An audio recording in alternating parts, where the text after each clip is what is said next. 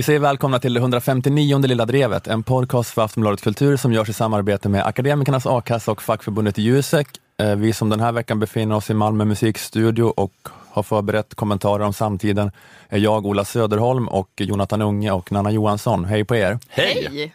Välkomna in i höstsäsongen. Tack så mycket. Tack. Det är ju det har blivit sommar här i Malmö. Ja, men vi har den... brittsommar. Ja, det har vi. Ja. Men, vi har verkligen den där känslan av att vi har liksom fått våra nya höstjackor och en ny färg på konken. Pennskrinet är fullt med. och med, sudd, med suddisar som luktar gott. Vet du vad- Som vi köpte på vår resa till i Spanien. ja, just det. Ja, men vet ni vad jag tycker? Jag, jag tycker att det är det här som är det egentliga nyåret. Ja, Det just är ju nu det börjar egentligen. Mm. Det är det här som borde vara det, är det riktiga nyåret, Ja, just tycker jag. Nystarten. Eh, Allt drar igång igen. Eh, Du ska prata om kyrkovalet, Nanna, Jajamän. Och Jonathan ska prata om Jag ska tala om eh, Stefan Löfven och IT-skandalen. just det, Transportstyrelsen. Ja. Men annars, eh, eller det kanske är det som är den dominerande inrikespolitiska nyheten. Annars är det ju... Det, Kyrkovalet menar du? nej, nej, inte kyrkovalet. Jag menar Stefan Löfven och Transportstyrelsen, såklart. Sluta dumma dig nu. Men annars, Ola är redan trött på höstnamna. Eh, den, eh, nej men annars är den eh, dominerande inrikespolitiska nyheten den här veckan det är att Anna Kinberg Batra tvingats avgå som partiledare för Moderaterna. Och nu är spänningen olidlig. Ulf Kristersson, Elisabeth Svantesson eller Mikael Odenberg. Vem ska David Batra gifta sig med? Det är synd att jag tar det där egentligen, för det är väl det givna öppningsskämtet i David Batras show. Ja, just när det. han ska skriva om den lite nu. Med, Du brukar ju skriva åt honom, så du kan ju väl eh, sälja det åt honom. Ja, men jag kan säga det att eh, när han ska köra sin den här Mm. då, elefanten i rummet, han som är gift med henne och han måste justera för det här att hon har avgått Mm. så det är helt okej med mig att han tar det här. Att det, jag tror att det är en så här rolig grej att han går upp på scenen så här, Åh, hur ska jag få ihop det här nu? Mm. Måste jag gifta mig med Mikael Odenberg? Att det är en sån Det rolig första, Snyggt. Första garv. du är generös. Ja, men jag tänker att det är inte så stor överlappning tror jag ändå på Lilla Drevet lyssnare och eh, de som kommer köpa biljetter till den här showen. Nej, Så jag tror att det kommer funka i rummet Mm. ändå. Och det gör faktiskt ingenting för min del om man tar det. Sen om det kommer en liten femtussing din väg från Batras håll, så är det väl inget man säger nej till. Nej, nej, nej. Jag har ju varit öppen med mitt swish-nummer så att det, det ska väl eh, David Batra kunna hitta också. Det har också börjat snackas om Carl Bildt nu, Mm. om ni har hört det. Just Det tycker jag är helt sinnessjukt. Ja, men han fick en fråga av norsk tv och så svarade han svävande. Han sa inte nej ifall han Vilken var jävla aktuell. comeback. Ja, jag tänker det ifall också Löfven tvingas bort av Transportstyrelsen Gate och så kommer Göran Persson tillbaka Ja. också. Ah, herregud. Herregud. Det verkar som att småpojken inte kunde hantera det. Det skulle vara sån, ja men i den här tiden då allt är så konstigt, då det bara är SD och liksom hysteri över islam och, och vet inte, massa, ma- det är bara massa konstigheter. Ja. Det är bara sån trygghet om de kommer tillbaka och bråkar om skattesatser. Liksom. Men att vi gör liksom en kompromiss med SD. Att vi går inte tillbaka till 50-talet, bara till tidigt 90-tal. Exakt. Då kommer de eh, kunna släppa fram en minoritetsregering. Nej, men eh, Anna Kinberg Batra tvingades avgå efter att typ hälften av de moderata länsförbunden hade krävt eller någonting. Det var då hon gav upp. Jag tänkte på det när- jag följde det, att de borde inte ha sådana offentliga uppror, Moderaterna, som tas via media. Eh, Jag tror inte att det är bra för dem, för man får se så himla många moderater i tv då. Hela Per Schlingmans arbete med att putsa fasaden faller då. Att det går kanske att kontrollera partitoppen. Att de som syns mest i media regelbundet, de ska vara utklädda till socialdemokrater. De har inte samma kontroll över alla länsordföranden. Nej. Och nu för att det här upproret har varit offentligt via media så det har varit så varje kväll i Aktuellt att greve Douglas från Reichenberg från Moderaterna i Stocksund har suttit där. Liksom. Moderaterna det är verkligen partiet där det är gräsrötterna som saboterar den folkliga imagen. Det är för mycket Stockholms backslick-gubbar, rödbrusiga skånska godsherrar eller de här unga handelshögskolor-douchebags med American Psycho-vibbar. Alla bilder på Reinfeldt som lagar korv i ugn försvinner från min näthinna. Men i alla fall, eh, sen Anna Kinberg Batra avgick eh, har jag kämpat på Twitter med att förklara för svenska folket att det var jag som var först med skämtet. Mm, jag har sett det, att du för den kampen. Ja, men det skämtet som du tog där i början, eller? Ja, det- var ytterligare ett skämt, men ja, det här skämtet, vad händer nu med David Batras turné? Ja, ja. Eller det är mer en observation, men det, ja, det är ett skämtupplägg. Ja, för jag vill säga att jag har hört det här skämtet innan det ens var tal om att hon skulle avgå. Ja, men alla andra med sina slöa hjärnor, han är ju kapp till slut nu och bara haha, ba Batras turné Elefanten i rummet om att leva med en moderatledare har premiär om en månad innan han skriver om manuset. Eh, Men jag drog ju det här skämtet redan, den 2 juni i Lilla Drevet avsnitt 153. Härligt att det finns också dokumenterat då. Ja. Har du eh, tidskoden också? Eh, nej, det har jag ju inte. Det har jag inte. Du har inte ens klippt ut det nu för att köra Nej, det jag har inte det. Jag har inte det. Men jag, jag, men jag har klippt ut en annan Det sak är faktiskt. mer vet du det, indicier. Men jag, har faktiskt, jag har klippt ut en annan sak, för det var en lyssnare som uppmärksammade mig på ytterligare ett exempel på hur i framkant jag är när det gäller Batra-relaterade observationer. Ja. Och det här är ett klipp från avsnitt 41 av. Lilla Drevet. Hiphop-Stalin heter det här avsnittet.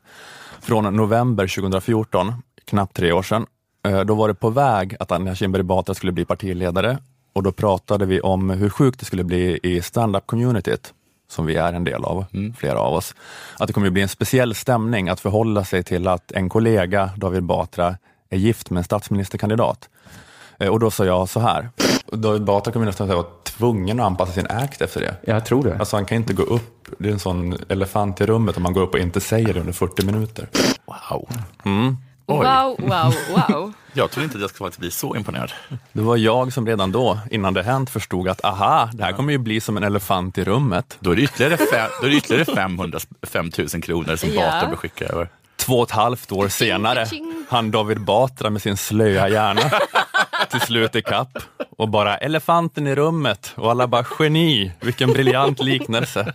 Det är ju som om det var en elefant i rummet ingen pratade om.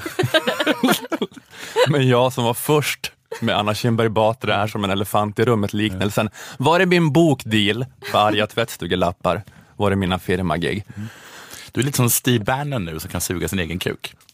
Ja, eller Mozart, att jag blir erkänd. Att jag inte får skörda frukterna av, av mitt geni. Ja, bra glidning på det. Jag har fattat varför jag är så Steve Bannon. det här, vad heter han? The Munchkin eller vad han heter? The Mooch. Ja, Han ringde, han var ju en skandal, han ringde upp och sa att Steve Bannon kunde... ja, just det. Ja, precis. Han som fick sparken direkt. Scarmucci eller något sånt Ja, där. precis. Ja. Och så finns det något som heter kuksugeri, där man sitter och berömmer varandra. Ja, ja, ja. Så det är lite så jag tänkte. ja, ja. Jag ägnar inledningen av det här programmet åt att suga min egen kuk. Precis. Ja. Men med all rätta. Ja, ja, precis. Jag tänkte att det här var ändå ett tillfälle då det var rimligt att unna sig det. Ja.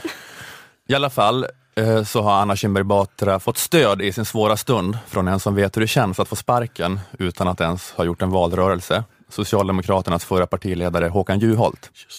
Han var gäst i TV4 Nyhetsmorgon i söndags med anledning av att han eh, har utsetts till ambassadör på Island. Alltså det är så perfekt. Jag bara tänkte att de kommer ställa ut en skål gröt till honom. Han har, han har utsetts till ambassadör på Island, eller som Juholt kallar det, Ett viktigt nordiskt land. Det är väl ändå bland de mindre viktiga nordiska länderna, får vi väl ändå säga. Eller man behöver, man behöver inte rangordna, men om man ska göra det. Precis under landet Malmö. Eh, Men mest pratade de om Juholts stöd till AKB. Han- Han hade gjort ett inlägg på Facebook i söndags, eller vad det var, lördags, där han skrev Mina tankar har varit hos Anna Kinberg Batra de senaste dygnen. In i märgen känner jag hennes smärta. Slutcitat. Han pratade om att han bland annat har tänkt på fenomenet drev, apropå AKBs och hans egna erfarenheter. Och sen så reflekterade jag också över den här tre månaders drevintervallen. Drevet mot mig började i oktober. Jag pressades bort i januari. Drevet mot Anna började i juni och hon pressades bort nu i slutet på augusti. Det är tre månader. Så vargarna vilar en liten stund och sen kommer nästa flock vargar. Mm. Tre månaders intervallen är intressant. Den tänkte jag också på. Fortfarande poet och eh, numerolog. Poet, numerolog, martyr. Jag såg han kontrar med Carl Bildts. Svensk europé. Poet, stor retoriker, poetisk. Lipsill.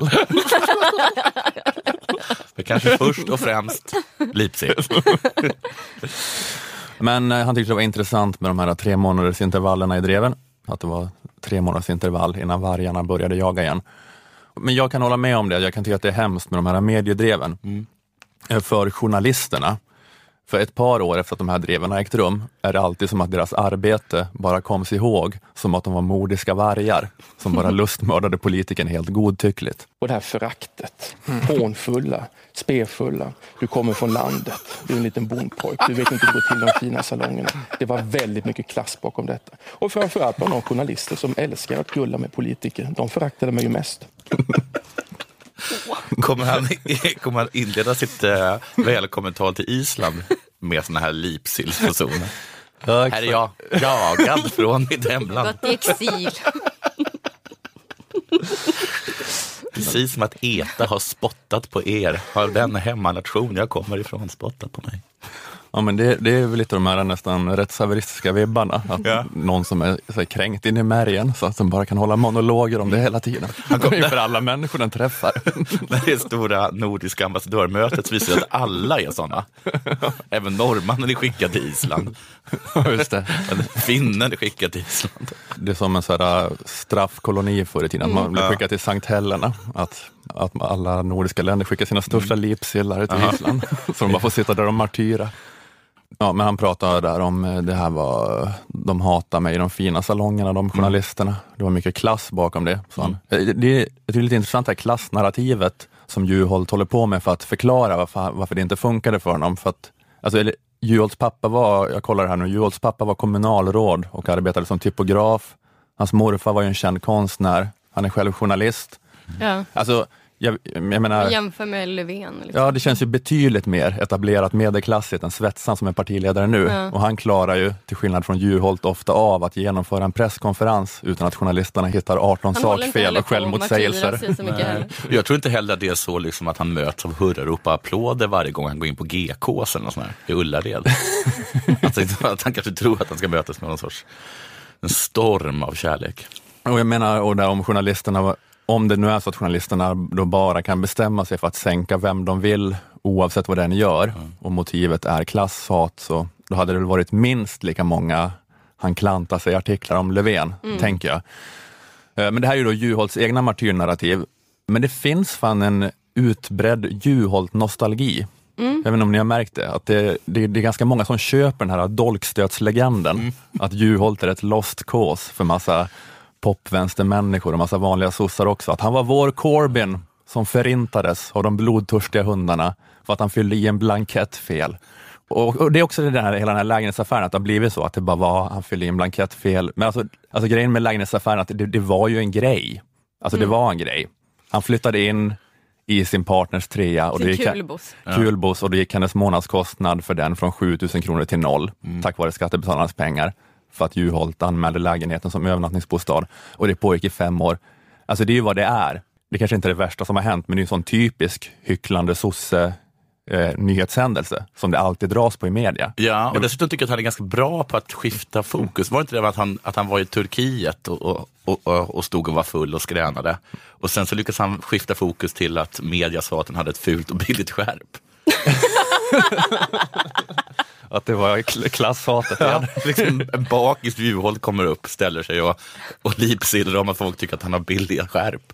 Ja, nej, men det, det, jag skulle säga bara att det, det känns som att, eh, att folkminnet eh, är snällare och snällare mot Håkan Juholt för varje eh, år som går och elakare och elakare mot journalisterna. Alltså det är som med Mona Sahlin, det är också lite sånt här exempel, att, att jag har märkt att många idag tror att Toblerone-affären på riktigt handlar om att de fick gå bara på grund av Toblerone. Att det var för att hon köpt Toblerone för tjänstekortet. Fast det rörde sig om privata utgifter för 53 000 kronor. Men det här med att trycka på att jag köpte två Toblerone en gång, alltså det var ju hennes spin på den där presskonferensen när hon satt i en oskuldsfull vit blus. Att bara trycka på en faktura som gällde blöjor och två Toblerone. Sorry, ber om ursäkt, förskräckligt. Men det är liksom, Mona ber om ursäkt. Mona gjorde fel. Just det. blöjor. Det är Sveriges bästa Mona-imitatör. Toblerone. Men, med allt ladd då, Mona?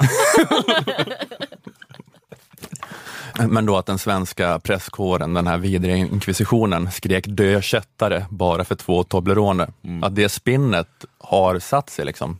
Alltså alla Mona-hatare som liksom kastar Toblerone på henne när hon gör offentliga framträdanden. Alltså de gör ju henne en tjänst Ja. egentligen. För att vi inte så här ska få höra om alla tjänstebilar och jag vet inte allt vad det var. Liksom. Utanför vad heter det, eh, Socialdemokraternas högkvarter så borde det liksom hänga en sosse med ett Toblerone i röven och ett jättefult skärp. Eh, Sosselipsillen, Ja. det konstverket heter. Jag menar bara att det, är, att det är fruktansvärt med de här dreven. Omänskliga påfrestningar för journalisterna. Hur saklig journalistik du än bedriver kommer det bara kommas ihåg som att du var en vidrig mobbare.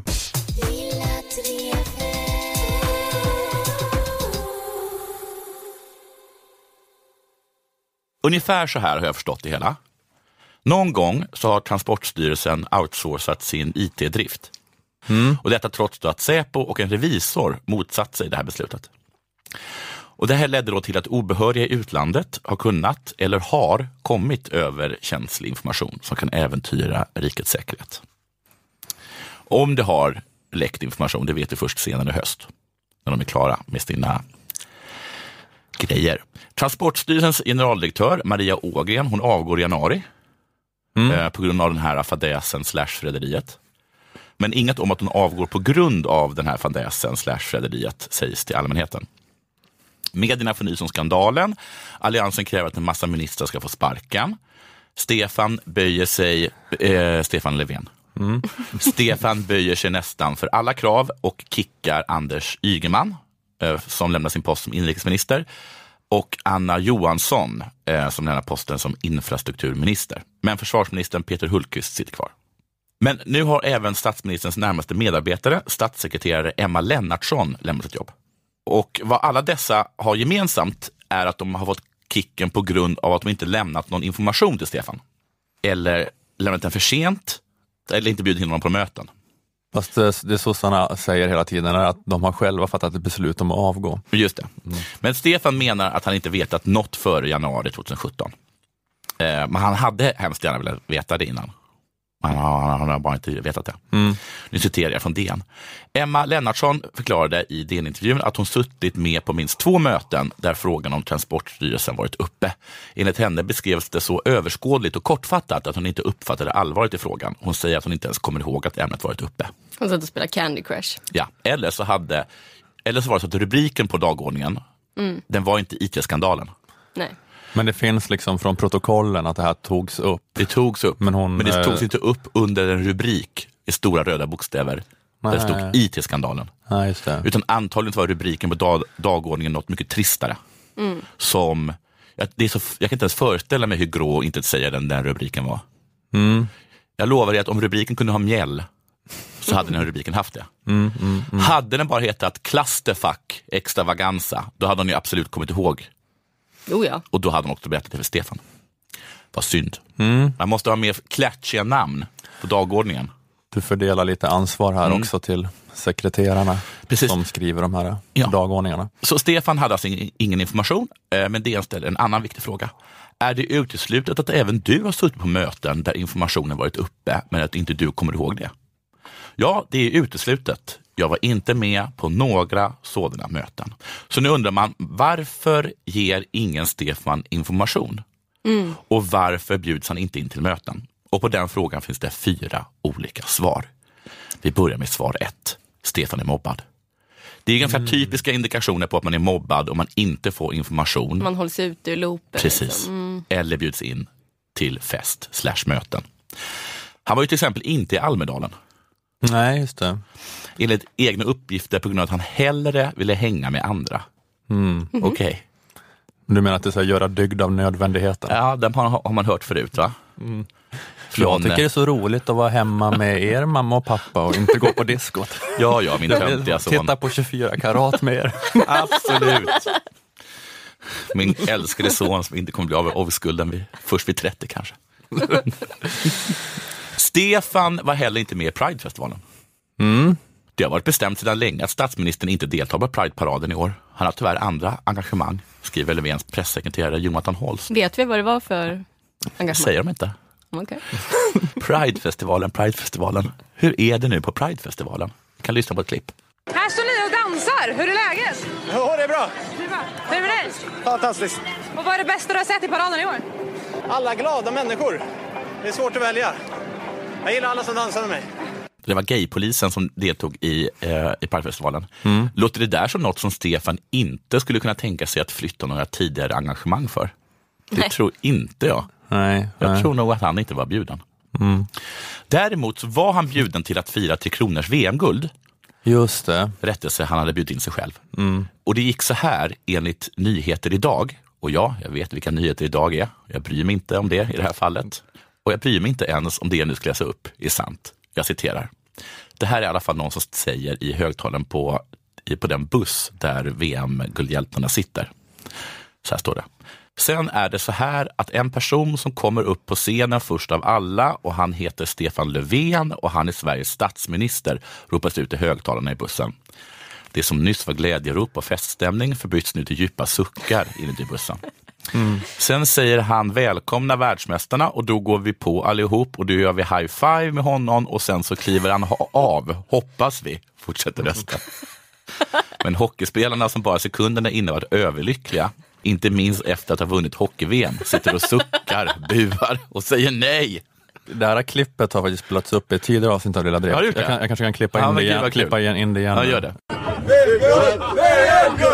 Sen är det så här att eh, det är en person som kommer att gå upp på scenen först av alla. Och Han heter Stefan Löfven, han är Sveriges statsminister. Han ska prata i 20 sekunder. Får vi se. Och sen eh, så säger han eh, välkomna världsmästarna. Och då går vi på allihopa och då gör ni high five på honom och sen så kliver han av. Hoppas vi. Och för att vi pratade om det när han blev först utbuad av hockeylaget och sen av, Och sen av publiken, folket. ja. Ja, på. Sergels torg, precis. Svar två på frågan. Stefan är debil. Ja du, han har ju nästan alltid fallhatt på sig. Det har du tagit upp om inte annat. Va? Att han alltid har på sig, Det enda jag tagit upp är att du hade fallit när du var liten. det snackar vi Löfven här. Du drar inte in mig i det här. Men han har ju Var alltid, sak sin tid. inte du som sagt att han alltid har på sig hjälm? Nej. Ja, men- det är du som sagt det.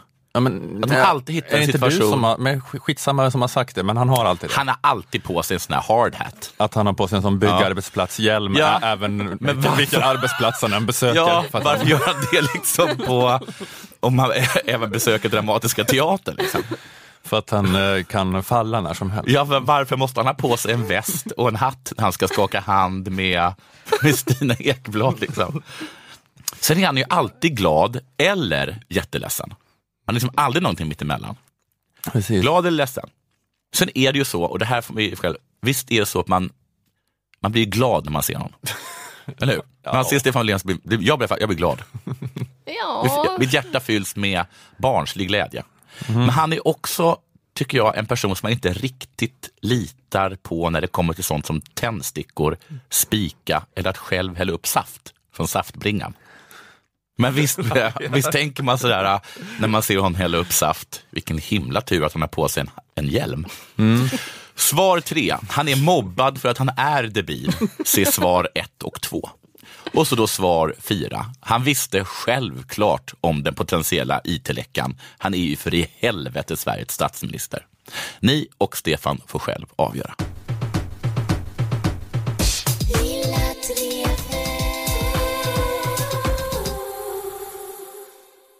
Vet ni vad det står i fjärde underavdelningen i artikel 23 i FNs deklaration om de mänskliga rättigheterna? Det Ja, här kommer bara Ola Söderholm läsa. så här står det. Hej Ola.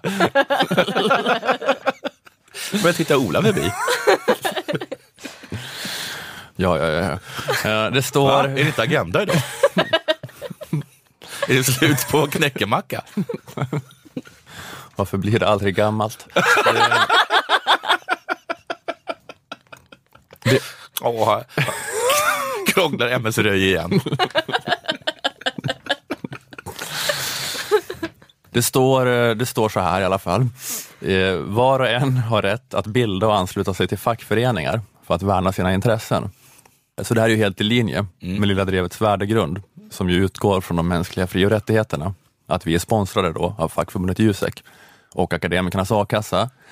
Eh, gå in på akademikernas.se och se till att ordna ett a-kassemedlemskap om du inte har gjort det. Endast 100 kronor i månaden så får du upp till 20 000 kronor i månaden om du skulle befinna dig mellan jobb.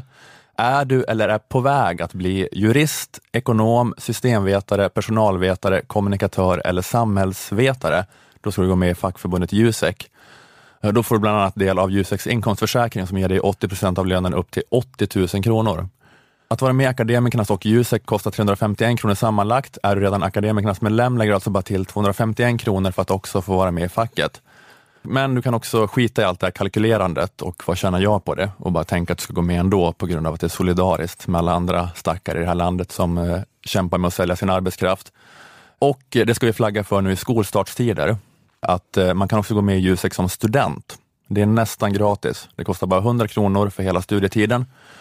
Då får du en prenumeration på Juseks tidning Karriär. Du får tillgång till massa stöd, experter som hjälper till med jobbsökande. Du kan få en mentor, besöka tänkbara arbetsgivare, nätverka med andra medlemmar och du får 5% rabatt på böcker från Adlibris och man får en sjukt billig hemförsäkring tack vare Juseks samarbete med Folksam. Gratis de tre första månaderna, sen 64 kronor i månaden. Och en t-shirt.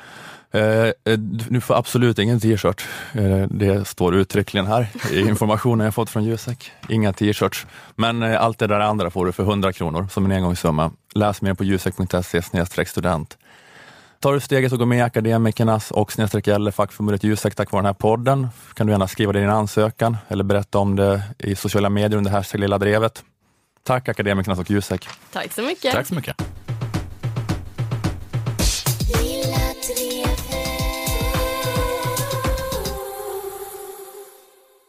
Någon måste ju ta det andliga ansvaret för den här podden.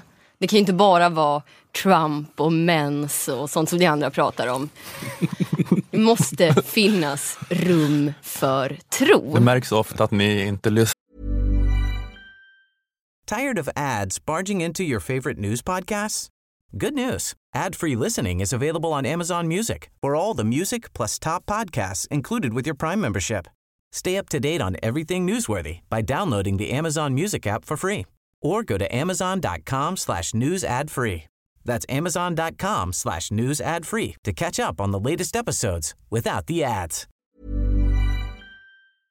så mycket på den här podden. Nej, men jag bara tänker att ni bara gaggar Trump, förra, mens. förra segmentet så gick Jonathan igenom hela den här Löfvens hockey-VM-firande. Fast det var ja, ett klassiskt Lilla Drevet-inslag då vi spelade upp de klippen. Skitsamma, skitsamma. Men Sluta djurholta dig. Ehm, ja, I våras så tog jag det här andliga ansvaret med min egenproducerade radiodokumentär som hette just Rum för tro. Just. Eh, och nu så tänkte jag sminka upp det där gamla liket igen eftersom det nu drar ihop sig till kyrkoval.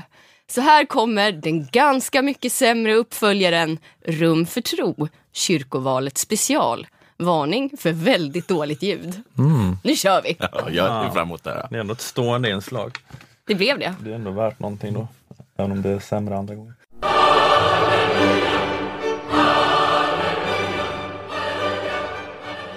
Åh, säger ni.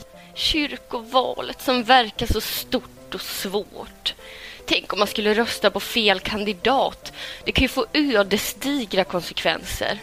Hur ska lilla, lilla jag kunna besluta mig om något så viktigt? Frukta icke, bröder och systrar.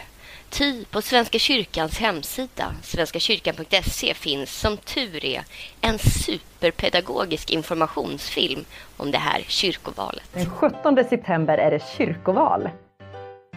Vad tänker du på när jag säger ordet kyrkoval? Tänker du på kyrkor? Valar? Här visas en bild på en val. Röstkort? Vadå? Ska vi välja biskop nu eller? Nej, nej, vänta nu. Jag tar det från början. Nej, nej, Comic Relief-killen som precis hoppade in. Jag tar det från början. Här följer en redogörelse för de olika nivåerna man kan rösta i, det vill säga kyrkofullmäktige, stiftfullmäktige och... Svenska kyrkans högsta beslutande organ är, Menar du regeringen? Ja, typ, men de kallas kyrkomöte. Mm, han växer på mig, Comic Relief-killen. Men ja, kyrkomöte. Vi tar det igen. Jo, i kyrkovalet kan du alltså rösta till tre nivåer. Här har du möjlighet att påverka ju. Den första nivån handlar om din närmaste omgivning, alltså om församlingen där du bor. Och den andra nivån, den gäller vad du tycker de där experterna på stiftet du vet ska lägga energi på. Sist men inte minst, Snarare störst va? Har du möjlighet att påverka vad Svenska kyrkan på riksövergripande plan ska syssla med. Ah, nu tar jag över. Alla som är över 16 år och medlemmar i Svenska kyrkan får rösta den 17. Jag får inte göra det eftersom jag inte fyllt 16 än. Jag är ju en tjej på 15 jordsnurr, tihi. Nej, jag får inte rösta eftersom jag inte är medlem. Någon råkade ringa och gå ur Svenska kyrkan i mitt namn när jag blev myndig. Jävla identitetstjuvar finns där ute va? Som ställer till det för vanligt hedligt troende folk. Men strunt samma. Ni 5,5 miljoner svenskar som får rösta borde sannerligen se till att göra det. Ty i förra valet röstade bara 700 000. Lika många som ryms i Globen. Plus 684 000. De sex största nomineringsgrupperna är Socialdemokraterna, Centerpartiet, partipolitiskt obundna i Svenska kyrkan, Sverigedemokraterna, Öppen kyrka och min personliga favorit Frimodig kyrka med taglinen Frimodig kyrka för en kyrka med Jesus i centrum. Men vilka kandidater kan man då rösta på? Oh, de är för många för att nämnas vid namn. Så de jag nämner vid namn är SDs Carol Papp, sossarnas Claes Bock och vänsterns Erik Oliv.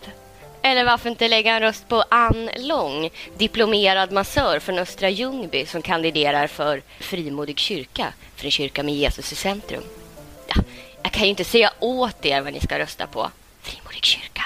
Allt jag kan säga är att valvakan den 17 september kommer att bli en riktig nagelbitare och att jag nog inte kommer vara ensam om att koka en stor balja kaffe och följa dramatiken till sent in på småtimmarna. Det här var alltså Rum för tro, kyrkovalet special med mig, Nanna Johansson. Och sist men inte minst, Snarare störst va? Gud vare med er.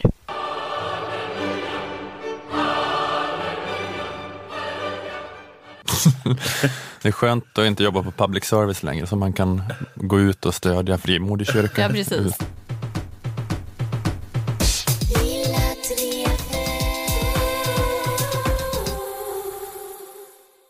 2007 så infördes i Sverige ett generellt ålfiskeförbud. Mm. Men det gavs möjlighet till dispens till de som redan höll på med ålfiske. Så vem påverkades? Nej. Den som ville börja.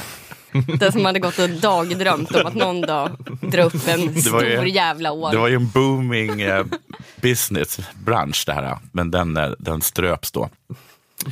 Och nu 2017 så vill EU förbjuda all ålfiske. Så man ska dra in då eh, dispensen eller liksom tillstånden för de ålfiskare som finns. Men då tänker jag, måste man verkligen förbjuda ålfisket helt? Då det ju drabbar de svenska ålfiskarna. De är inte så många, men ändå. Det, var är så- pengar i kassan. Det var så man tänkte förra gången när man förbjöd det. Ja, precis. Men Jag- ändå inte. För de menar att man måste det, men jag tänker att jag tror inte att man behöver det. I och för sig så finns det bara 5 kvar av, av eh, ålbeståndet. Jag vet, nu vet inte jag när de började räkna det beståndet, som, som de bara menar att det finns 5% av, kvar av. För att jag tänkte så här, hur många äter egentligen ål? Alla gubbar i Skåne. Jag känner ingen. Och inte heller du. Men låt oss säga att alla gubbar i Skåne är, i Sverige äter ål. Vad kan det vara? 400 personer? Nej, det är väl säkert några hundratusen. Nej! Och då det bor väl en miljon människor drygt i Skåne. Ja, ja, ja, men det- Hälften är män. Sen så vet inte om man definierar alla som skånska gubbar. Jag känner kanske man fler- inte gör. Men, Nej, men men, jag ett par känner- hundratusen av dem är säkert skånska gubbar. Jag känner ju massa skånska gubbar som inte äter Vilka ål. då? Vilka skånska gubbar känner du? Kalle Lind, han äter inte ål. Men han lajvar ju gubbe. Han är ju inte en gubbe. Okej. Säg att det är 100 000 personer som äter ål i Sverige.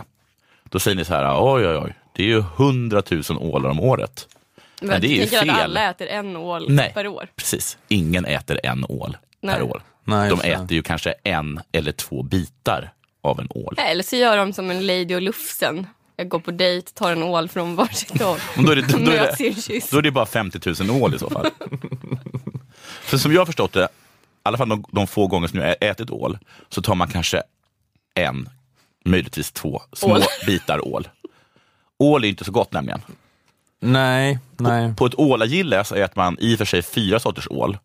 Mm. Till exempel ålsoppa, rökt ål, stekt ål, kokt ål, halmad ål och luvad ål. Halmad ål? Mm, halmad ål. Vad är det? Det är ingen som vet. För den var Luvad. röd, den länken.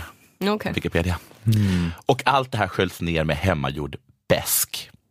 Det är en sorts sprit. Just Alltså som beska droppar. Ja, jag tror nämligen att de flesta personer på Ålagillen dricker sig mätta på bäsk och äter sig mätta på, gissar jag, Bröd. bröd och kryddost. Mm. Mackor. Mm, ja, just det. Att det är lite grann som att äta kräftor. Liksom. Ja. Det är Va? inte... Kräftor är supergott. Jo, men man får inte i sig så jävla mycket kräfta. Nej, man måste ju mest- äta annat för att fylla magen. Mest toast med kryddost. Så varför är då ändå ålen hotad? För det måste den ju vara, trots min uträkning. Och då gissar jag att det finns en person som äter jättemycket ål. Eftersom ingen annan äter ål.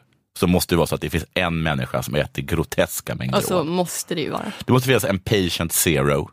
Eller hur? Det måste finnas en urfader, en alfa och omega när det kommer till ål. Etc, etc. Menar du Edvard Blom?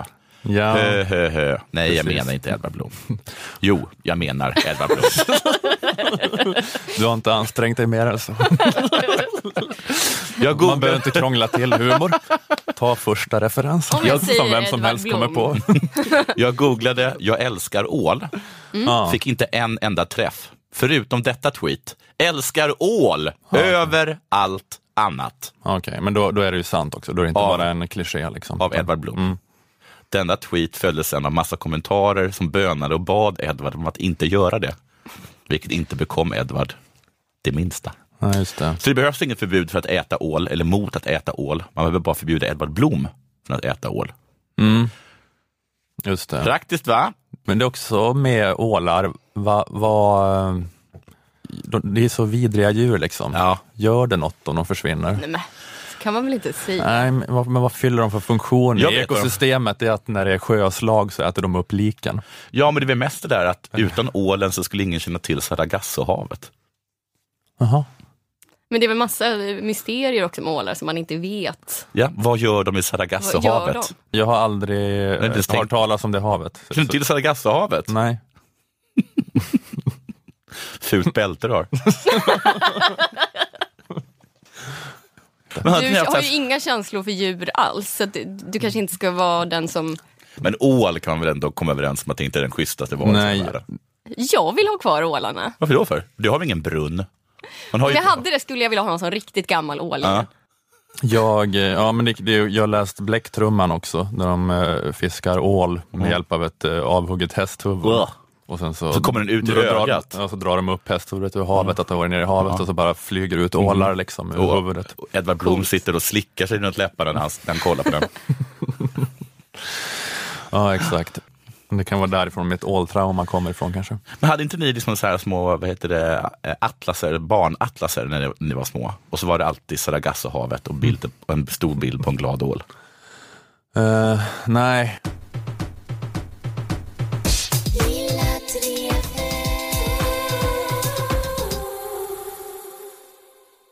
Jag försöker göra den här då. Mm. Eh, jag eh, Don't try, do. gör det precis.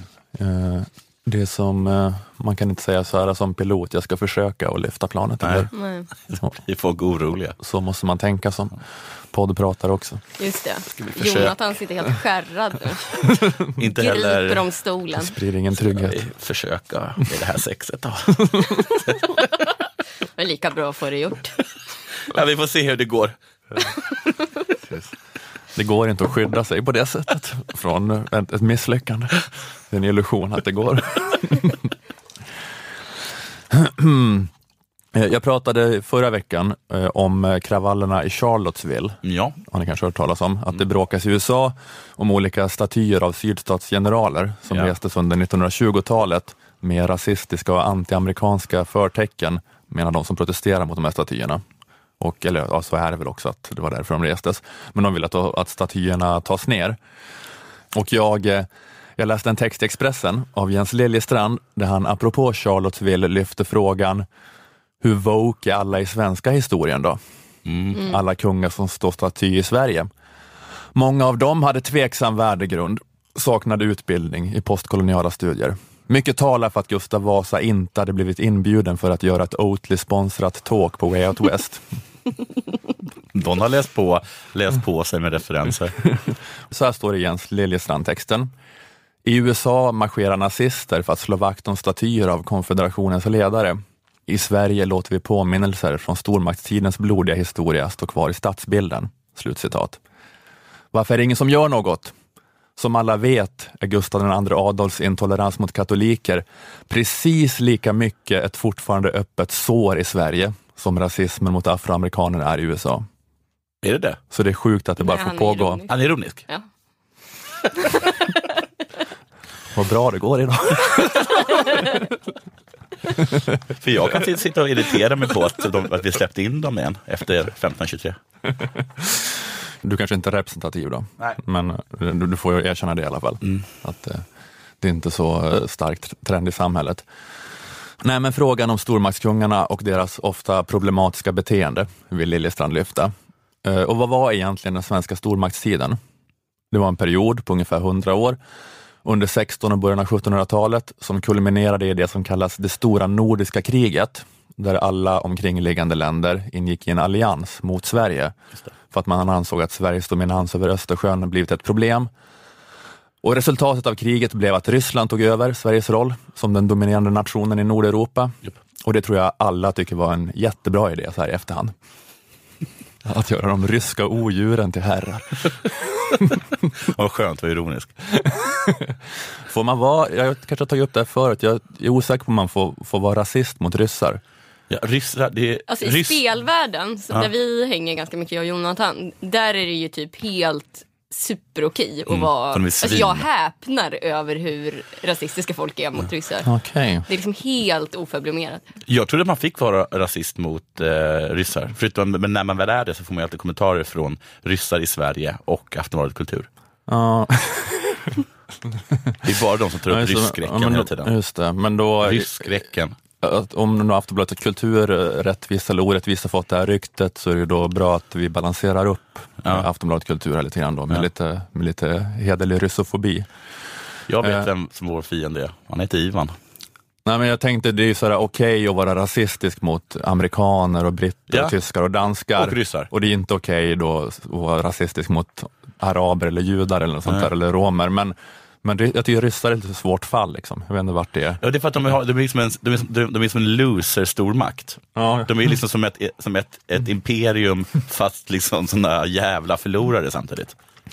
Men vad är det i uh, spelvärlden? Alltså, alltså Det är spelare... att de, alltså, det, det, fördomen är att de alltid beter sig illa liksom, i, eh, om man spelar eh, spel online. Liksom.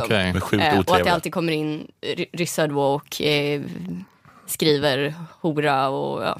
Ah, okej, okej. Eller bara skriver på ryska så ingen vet vad de skriver. De kanske är skitsnälla. Måste börja Google translate alla de där kärleksförklaringarna. Men det här var då stora nordiska kriget. Eh, Det är grejen att jag har hållit på att läsa en bok av den kände brittiska historikern Simon Sebag. Sebag, Montefiore. Simon Sebag Montefiore. Så du har läst honom också mycket, Ja, Jonathan. jag har gjort. Han har skrivit de här böckerna om Stalin. Och, jättebra. Precis, och den här boken är kanske inte så bra. Det här är ett riktigt stolpskott, den här Den, boken. den heter Romanov, den sista tsardynastin. Eh, som handlar Varför är den dålig då? Alltså den är... Eh, plottrig. Den är plottrig och den är, den är så himla fylld med, alltså han har verkligen gått eh, hundra gånger Herman Lindqvist. Det finns liksom inte en sexanekdot han har missat. Ja, men jag tänkte om man, att Game of Thrones har slutat nu för säsongen och man, om, man känner att, om man känner att man har tröttnat på Game of Thrones och känner att man behöver starkare grejer i genren Ja. mustig våldsporr så kan jag kanske rekommendera den här boken ändå. Ja, den handlar som sagt om huset Romanov som styrde Ryssland mellan 1613 och 1917. Eh, Den sista tsardynastin. Och det är liksom, ja men det är hela tiden sådär att jag, så här är varje sida. Men jag kan bara ta ett exempel här då, den här tsar Peter, Peter den store, som då var Karl XIIs nemesis i, den, i det stora nordiska kriget, när han ger upp med några misstänkta konspiratörer. Eh, citat. Den 14 mars inför en stor människomassa på Röda torget slogs biskopen och tre av tjänarna halvt ihjäl med en hammare och lämnades att dö på hjulet. Två adelskvinnor, den ena en av Katarinas damer, förstinnan Anastasia Golitsyna, piskades Jevdoskias älskare Glebov piskades med knutpiska, brändes med rödglöggade järn och fästes vid en planka full av spetsar i två dagar. Kikin krossades på hjulet, upplivades och lämnades att lida till andra dagen när Peter anlände för att granska sina offer. Kikin bad Peter om nåd, tsaren befriade honom från lidandet genom halshuggning, men Glebov vägrade att bekänna och Peter tillät att nästa stadium i bestraffningen tilläts att pålas på en spetsig käpp i anus.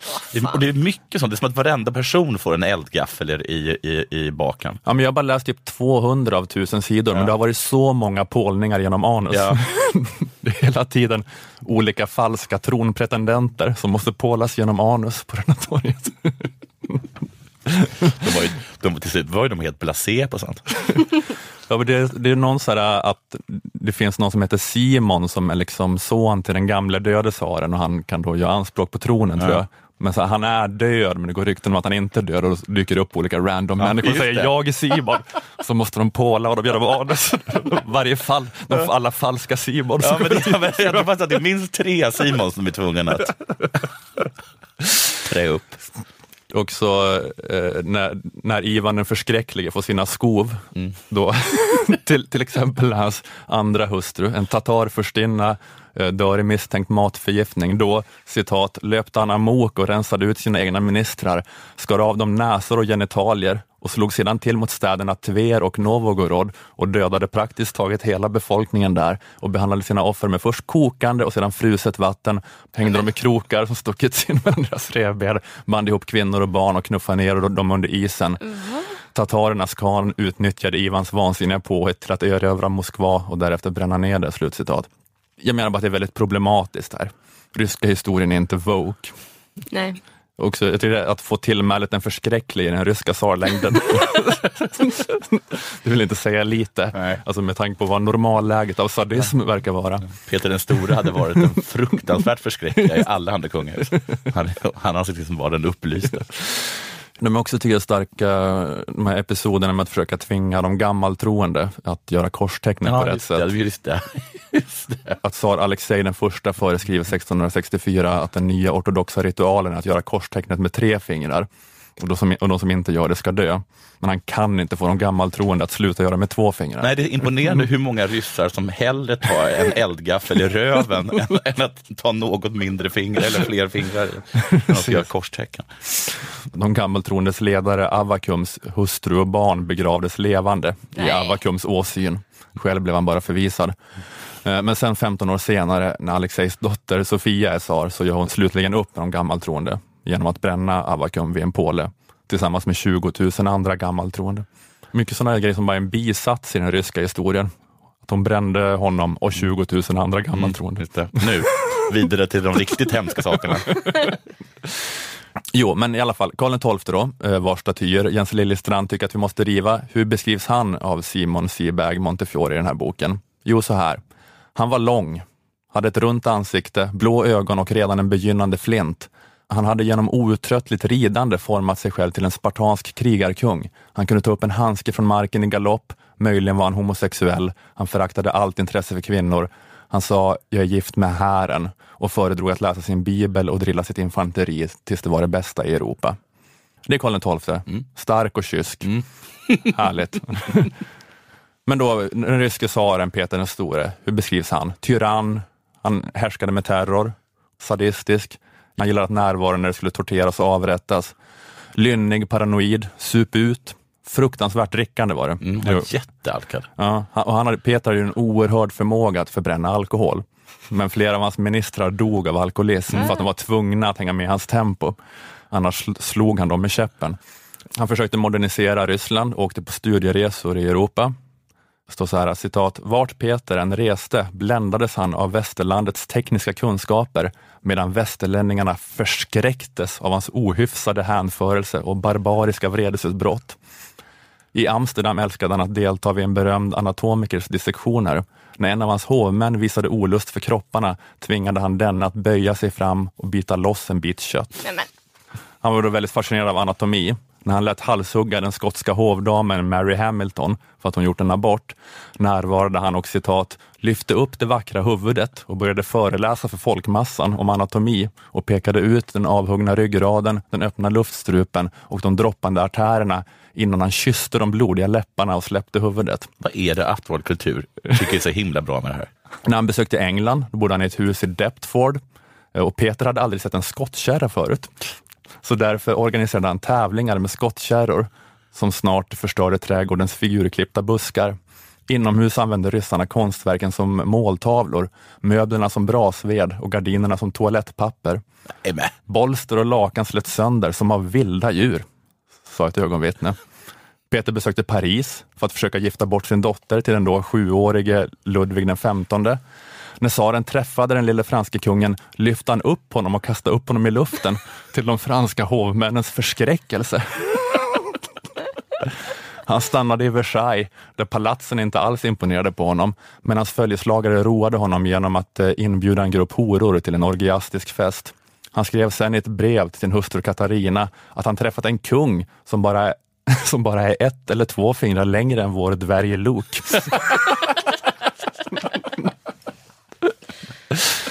Segern över svenskarna firades i två månader med att alla var stupfulla på gatorna. Det var parader med dvärgar utklädda till påvar, jättar utklädda till spädbarn, sittande i vagnar dragna av grisar, björnar och hundar. Folk drack ur jättestora bägare formade som manliga och kvinnliga könsorgan. Bägare formade som manliga och kvinnliga könsorgan. Har ni hört något så äckligt? Är det verkligen en historisk skam som måste rensas bort från gatubilden? Att Karl XII försökte bekämpa det här? Nej. Visst att de, man lyfter fram att svenskarna gjorde hemska saker då också, som att begå massaker på alla ryska krigsfångar efter slaget vid Fraustadt. Men det var ju förmodligen en ganska snabb död. Ja, det var inte så att det var inga eldgafflar inblandade. Nej, hade de återvänts till ryska händer hade de ju pålats genom anus Ja, förmodligen. bara för att de, bara för att. Nej, men jag menar, jag tycker bara att den eh, historiska skammen, Ja. den faller på Danmark, Norge, Polen, Sachsen, Preussen och alla de här andra länderna Fega jävlar på en och samma gång. valde den ryska sidan i det här kriget. Det är statyn av de kungarna som ska rivas. På vilket sätt hade det varit sämre med en svensk tsar? Eller hur? Det har väl bara varit bättre för alla. Ja, det är det. Alltså livegenskapen i Ryssland, Ja. den pågick till 1860-talet. Alltså de var slavar under adelstyranni. Vi avskaffade träldomen på så här 12-1300-talet. Ja, men det är, ändå, det är så vansinnigt, Ja. eh, inte speciellt pratat om historiskt faktum, att 90 procent av ryska befolkningen var typ eh, som de svarta i sydstaterna fram tills ungefär samtidigt som de svarta i sydstaterna befriades. Kallas för själar. Kallas det för. Ja, men den svenska allmogen den var ju jämförelsevis redan på 1500-1600-talet eh, ganska stark. De var ett, var ett rätt starkt politiskt subjekt. Bönderna var representerade i riksdagarna, Du behöver inte predika för mig hur bra vi är. häradstingen, som byggde på en dialog mellan centralmakt och lokalsamhälle. Ja, men bara, varför hatar Jens Liljestrand tanken på en självägande bondeklass som kan utgöra en grogrund för en stark demokratisk kultur? Varför, varför tycker han att det är så bra med förslavandet av ryska folket? Att han vill fira det genom att riva ner statyn utav den som försökte stoppa det. För det var det. Har båda de stora kvällstidningarnas kultursidor gått bananas? Oliver Stone möter Stefan Löfven. Mycket rimligare dokumentär som man hade kunnat visa på SVT. Varför har du hatt på dig? Det är första frågan.